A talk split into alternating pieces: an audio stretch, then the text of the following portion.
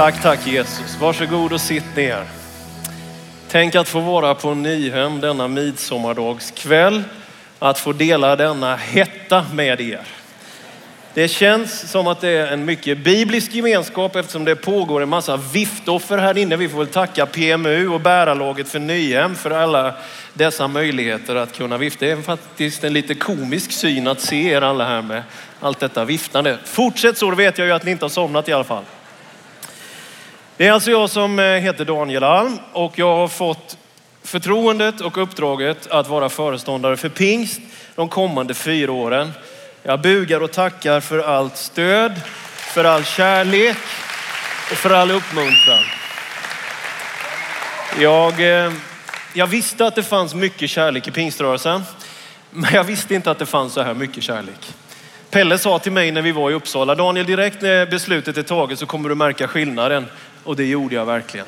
Jag gjorde det där i mitt hjärta och jag gjorde det i min telefon, i min mailbox och med alla möjliga blomsignaler och nästan har det känts som det kommer röksignaler av kärlek.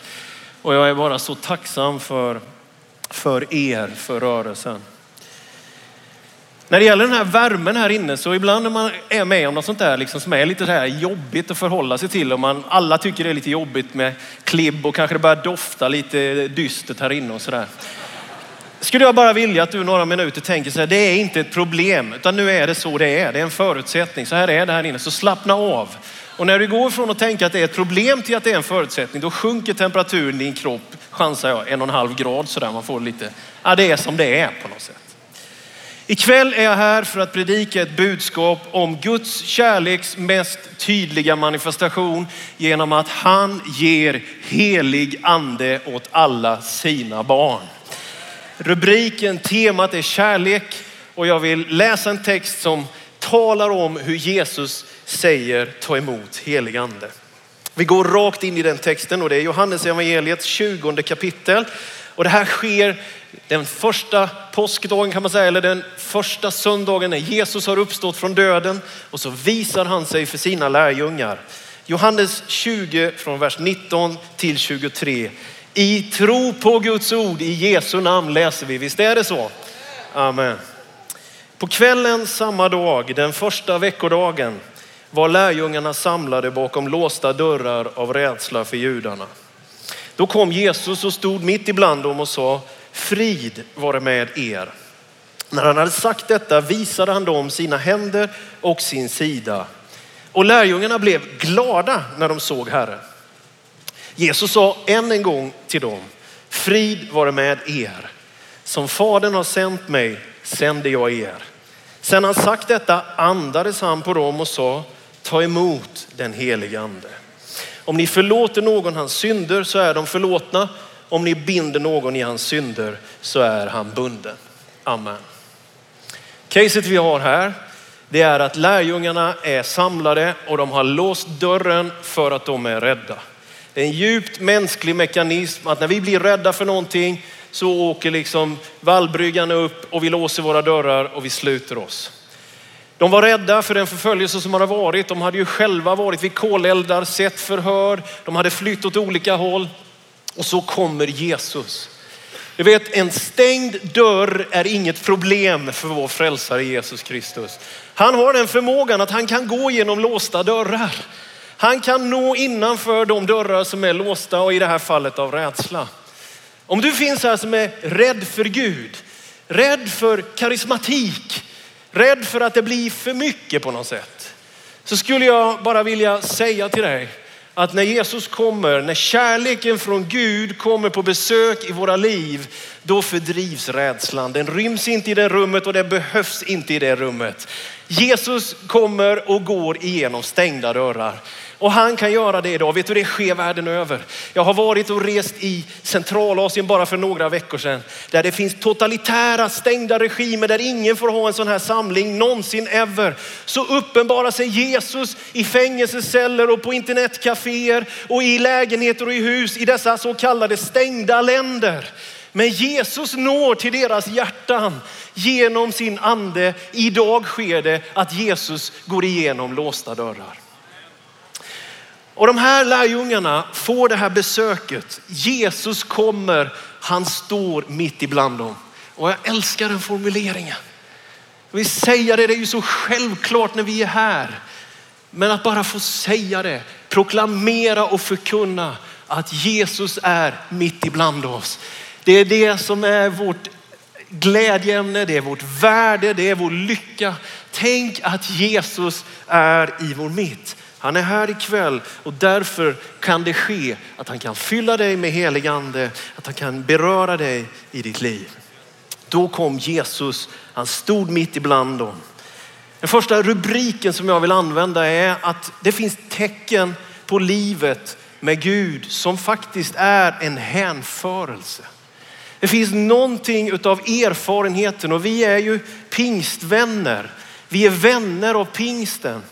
Denna märkliga händelse när Gud kommer som i ett dån, i en storm och tungor som av eld. Och Lukas berättelse om hur den rädda gruppen går ut på gator och gränder. De blir hänförda, de blir berörda. Det är inte känslor lika med karismatik. Karismatik är inte alls känslor. Karismatik kan påverka våra känslor. Men det är en genuin andens substans, en erfarenhet av Gud, inte bara i historien och i bibelläsandet, utan i mitt hjärta och i ditt hjärta. När jag var 15 år så blev jag döpt i helig ande. När jag tog emot denna gåva, detta liv, så berördes jag. Jag gjorde en andlig erfarenhet. Göran Tunström skriver, det finns ögonblick som aldrig upphör. Och det är andeuppfyllelsens verkliga effekt i våra liv. Gud ger sig själv till oss för att aldrig någonsin ta bort den gåvan. Han har gett en irreversibel gåva, den helige ande. Det är inte ett jojo-game från Gud emot dig eller mig. Det är inte så att han ger helig ande om vi har varit snälla nog, religiösa nog eller har skött oss tillräckligt. Gud ger helig ande till sina barn för att han älskar dem och han ångrar inte den kärleken till dig och mig. Lovat vara Herrens underbara namn. Det är vad som händer, det är vad som sker. Det sker i andra länder, det sker också i våra hjärtan. Det sker idag. Lärjungarna de blev så glada för de såg, och det skriver då Johannes här, de såg Herren. Sann karismatik pekar alltid på Jesus Kristus. Riktig, sund, äkta, flödande kärleksexplosion från himmelen pekar alltid på Jesus Kristus. Han som är kyrkans grund och kyrkans herre. Visst tror vi det, amen? Han som är grunden för vår tro, visst tror vi att han är det? Han som ger oss frälsning för evigt, visst tror vi att han gör det? Och det är ett verk av den heliga ande att du kunde ge det gensvaret i detta nu, det tror jag. Därför den heliga ande producerar inte en massa andliga broilers, men den heliga ande producerar en kärlek till Jesus Kristus i våra liv. Och därför när vi läser evangelierna, när Matteus berättar om honom som predikanten, bergspredikan och det stora liknelsetalet och talet om den yttersta tiden. Eller när Markus berättar om alla under, om stormar som stillas, om Jairos dotter som växer upp. Eller till och med hur Petrus svärmor får sig en quick fix i Kapernaum. Eller när Lukas berättar om honom som människosonen. Det är ingen liksom, omständighet att vi har en berättelse som heter julevangeliet i Lukas evangeliet. Lukas fokuserar att han blev människa. Och när vi kommer till Johannes evangeliet så läser vi beskrivning efter beskrivning om den som är Gud. Där Thomas faller ner och säger till Jesus, min Herre och min Gud. Johannes evangeliet är fyllt med berättelser om Jesus där han säger, jag är livets bröd. Jag är den gode heden. Jag är världens ljus. Jag är vägen, sanningen och livet. Och han säger, jag är uppståndelsen och livet. Genom evangelierna tecknas en bild, drivet av den heliga ande skriver Matteus Matteus, Markus, Lukas och Johannes om honom som den främste predikanten och läraren. Om honom som kan göra under och bota de sjuka. Om Gud som blev människa och blev som en av oss. Och om honom som verkligen är Guds son. De blev glada när de såg Herren. Är du glad för Jesus Kristus ikväll? Är du glad för att få leva i hans närhet? Att få äta och dricka av hans bröd, av hans vin och att få vara en del av hans liv. Det är någonting att bli hänförd av. När man är pingstvän eller pentekostal, då tänker man på Bibeln utifrån det som finns redan med i skapelsen, hur Guds ande svävade över vattnet. Man tänker att Guds ordet blir till när Gud säger någonting. När Gud talar någonting så blir det levande och det blir till. Guds ord är inte bara information. Guds ord är kreation. Guds ord inte bara talar om hur det är. Guds ord skapar nytt liv i våra liv. Och det är någonting som den heliga ande ger.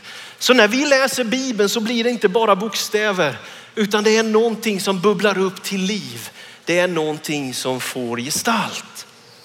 När vi tänker på kyrkan med den heliga andes glasögon så ser vi inte en mänsklig förening. Vi ser en gudomlig gemenskap. Vi ser att det finns frukter av kärlek, glädje och frid tålamod, vänlighet och godhet.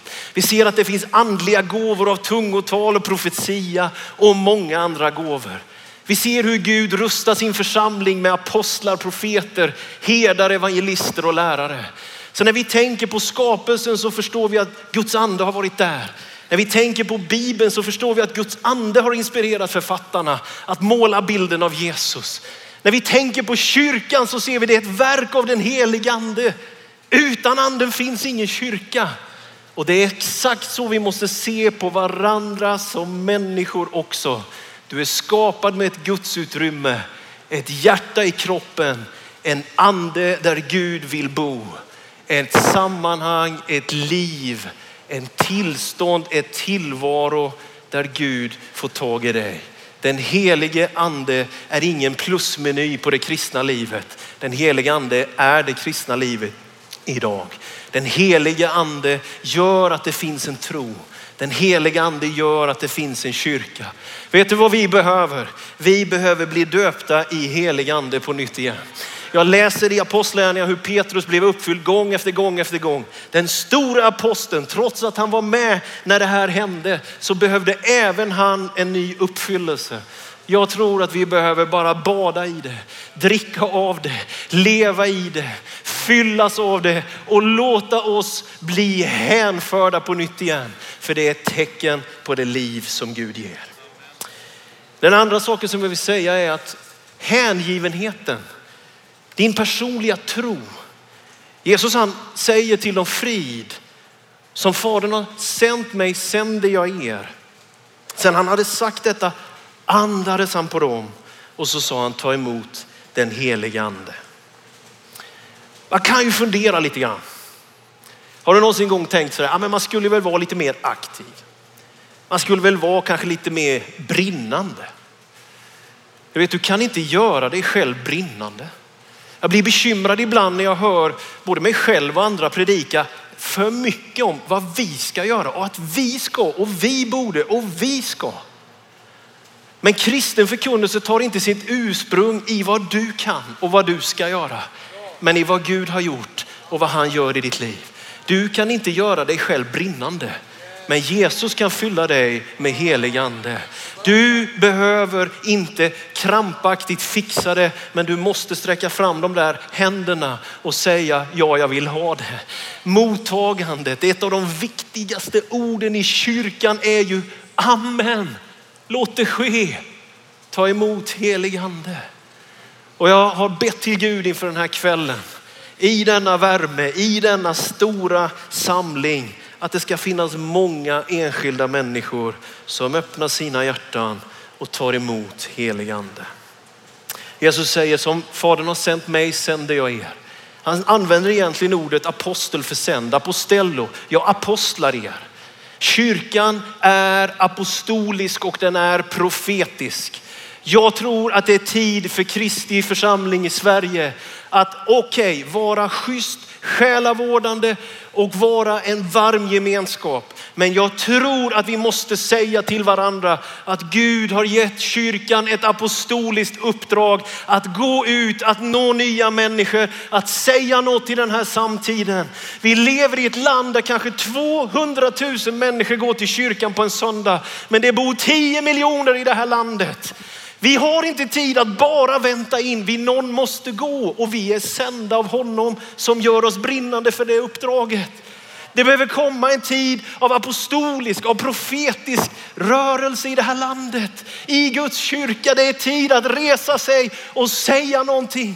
Att bryta tystnaden när ateismen griper omkring sig och säga ett ord om vår tro på honom som älskar mänskligheten. Vill vi se en sån rörelse i det här landet? Kommer det komma en sån rörelse i Sverige? Det måste vara möjligt. Det måste kunna ske. Och vi kommer att behöva herdar. Vi kommer att behöva själavård, förbön och omsorg i stor omfattning. Men kanske jag ändå tror att det har varit en för liten fokusering ett tag nu på att faktiskt gå ut och vinna människor. Jag mötte en av våra medarbetare i, borta i Centralasien. Han tillhör den förföljda kyrkan. När han satt i förhör i det land han kommer ifrån så slog de av honom benet. Hans pappa betalar 150 000 motsvarande svenska kronor för borgen. Han kommer ut en helg, han flyr över bergen en vinter i en t-shirt med brutet ben. Idag är han en av våra ledare. Han tillhör den förföljda kyrkan, den mest ödmjuka apostel jag någonsin har mött. Vet du vad han sa en gång i en samling när han var här i Sverige? Ja, sa han. Om människor kommer till mig och säger att de inte mår så bra i församlingen, han är pastor i en kyrka. Då brukar jag ge dem tre nya testamenten och säga gå ut och försök vinna någon för Jesus Kristus. Och när jag hörde det så tänkte jag, när hörde jag någon säga det i Sverige idag? Det kanske inte är så att du ska söka lyckan längre. Det kanske är så att du ska söka Gud och bli lycklig. Det kanske inte är så att du ska söka dina behovs tillfredsställelse längre. Det kanske är så att du ska söka vad ligger på Guds hjärta år 2016. Är det inte så att när vi söker Gud så kommer hans välsignelser att söka oss? Är det inte så att vi går fel när vi bara söker lyckan liksom? Men när vi söker det som ligger på Guds hjärta och det gör de förlorade, då kommer vi att uppleva en djup, djup glädje också vi. Jag har bett till Gud. Det är inte ett mål, men det har kommit till mig som en gnagande fundering och bön. Om nu pingströrelsen har 85 000 skrivna medlemmar, vad skulle behöva hända i mitt liv, i ditt liv, i andra kyrkors liv för att vi skulle kunna ta hand om 200 000 människor? Vilka omprioriteringar behöver jag göra? Hur behöver jag tänka med min kalender, med min plånbok, med min aktivitet på sociala medier? Hur ska det bli för att vi ska kunna ta hand om fler? Hur många fler smågrupper behöver vi? Hur mycket mer material? Hur många fler behöver gå ledarträning? Hur mycket mer behöver vi göra? Jag bara ställer frågan, kan vi börja rusta oss i det här landet för att det är slut på sekulariseringens nedbrytande trend?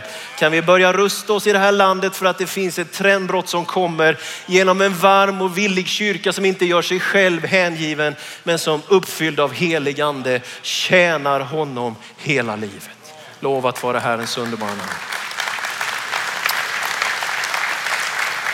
Till sist, Jesus säger ett otroligt, tycker jag, svårbegripligt ord här i den 23 versen. Om ni förlåter någon hans synder så är de förlåtna. Om ni binder någon i hans synder så är han bunden. Min sista rubrik är hänsyn. Jag tror att vi har gigantiska utmaningar redan idag och de kommer inte att bli mindre till att förhålla oss till livsstilsfrågor, till att förhålla oss till värderingsfrågor. Vi blir ibland beskyllda för att från att ha varit alltför hårda och dömande så säger vi ingenting nu. Ibland så säger man att vi förr var väldigt noggranna med hur man ska uppförandekoden och idag finns den inte alls. Men jag längtar inte efter en moralismens intåg i pingströrelsen. Jag längtar inte efter en diskussion där vi talar om för varandra vad som är rätt och fel.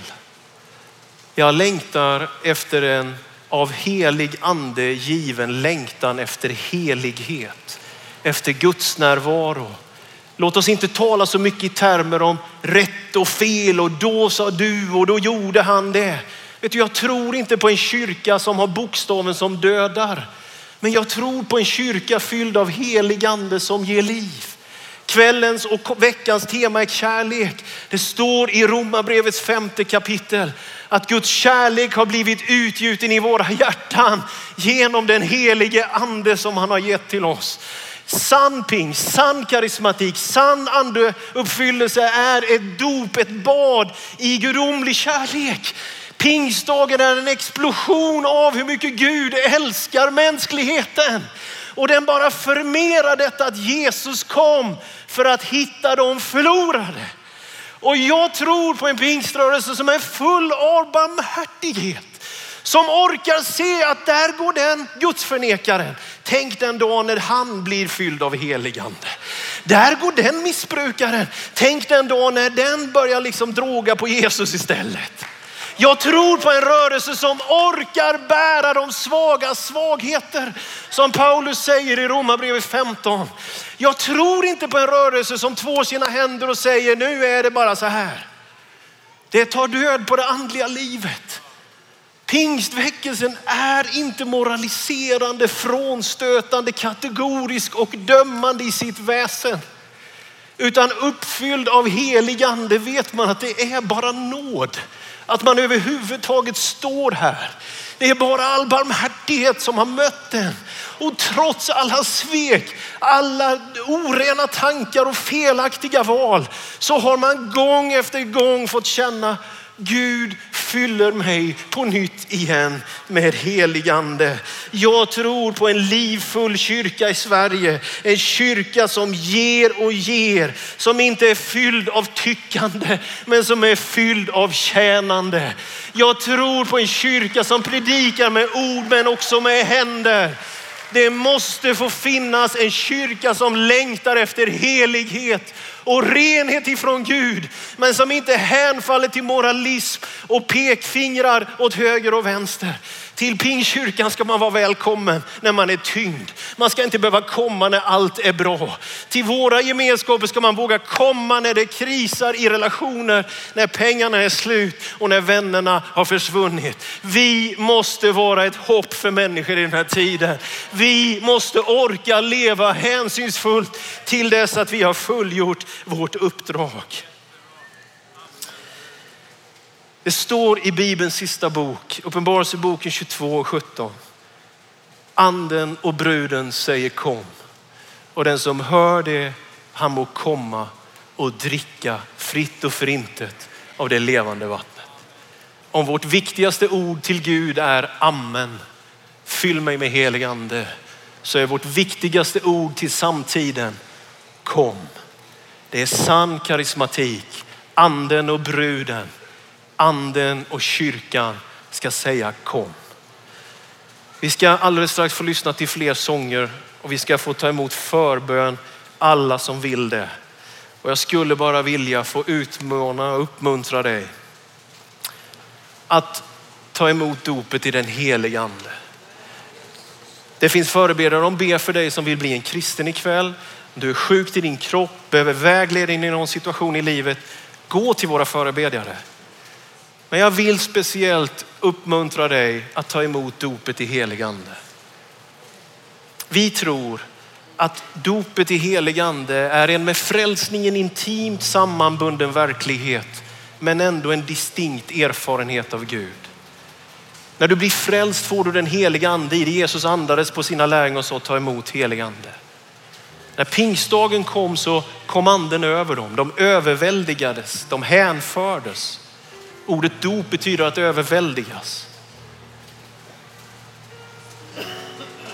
Det finns låsningar på det här området.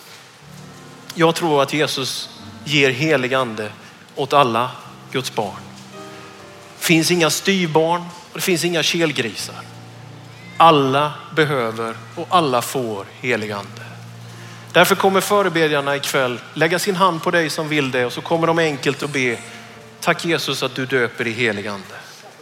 Och när du har tagit emot den förbönen så kan du för första gången eller på nytt igen efter kanske 10, 20, 30 år, vad vet jag. Öppna din röst och tala med det bönespråk som är det skapande språket som ger liv. Som ett livstecken, precis som ett barn kommer ur sin moders liv och skriker till. Som är det vackra änglarnas språk och som fyller vårt inre med sann och ren lovprisning. Jag tror att om du kan tala så kan du bli en tungomålstalare. Detta är en dörröppnare till hänförelsen, till hängivenheten och till hänsynen. Och jag gör, det gör så ont i mig för jag har så många gånger mött så många som har låsningar på det här.